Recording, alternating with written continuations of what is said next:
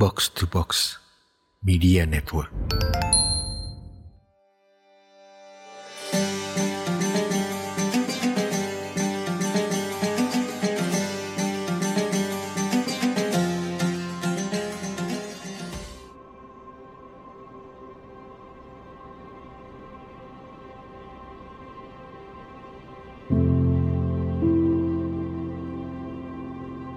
Kita tidak pernah berekspektasi pada kegagalan.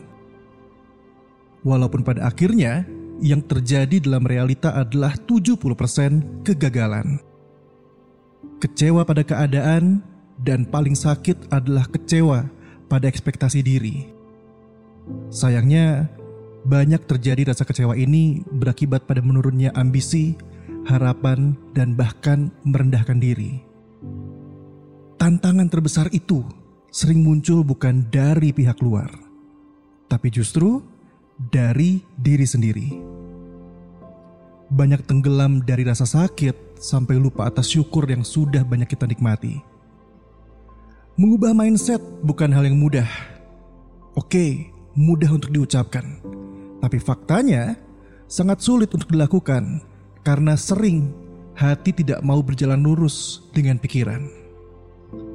Fakta yang jelas harus kamu pahami adalah kalau kamu terus-menerus fokus pada rasa kegagalan, sakit, kecewa, dan marah itu, hati kamu, pikiran kamu, batin kamu, bahkan fisik kamu bakal tersiksa terus-menerus.